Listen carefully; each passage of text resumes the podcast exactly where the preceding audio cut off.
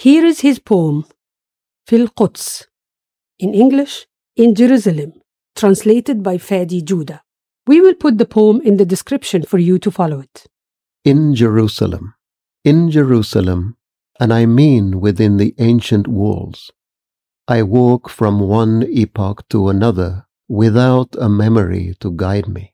The prophets over there are sharing the history of the holy, ascending to heaven and returning less discouraged and melancholy, because love and peace are holy and are coming to town. I was walking down a slope and thinking to myself, how do the narrators disagree over what light said about a stone? Is it from a dimly lit stone that wars flare up? I walk in my sleep. I stare in my sleep. I see no one behind me.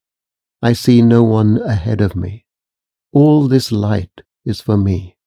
I walk. I become lighter. I fly. Then I become another, transfigured. Words sprout like grass from Isaiah's messenger mouth. If you don't believe, you won't be safe.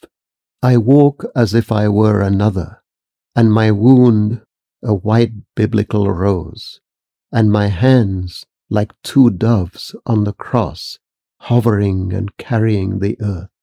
I don't walk, I fly. I become another, transfigured, no place and no time. So who am I? I am no I in ascension's presence. But I think to myself, alone the Prophet Muhammad spoke classical Arabic. And then what? Then what? A woman soldier shouted, Is that you again? Didn't I kill you? I said, You killed me, and I forgot, like you, to die.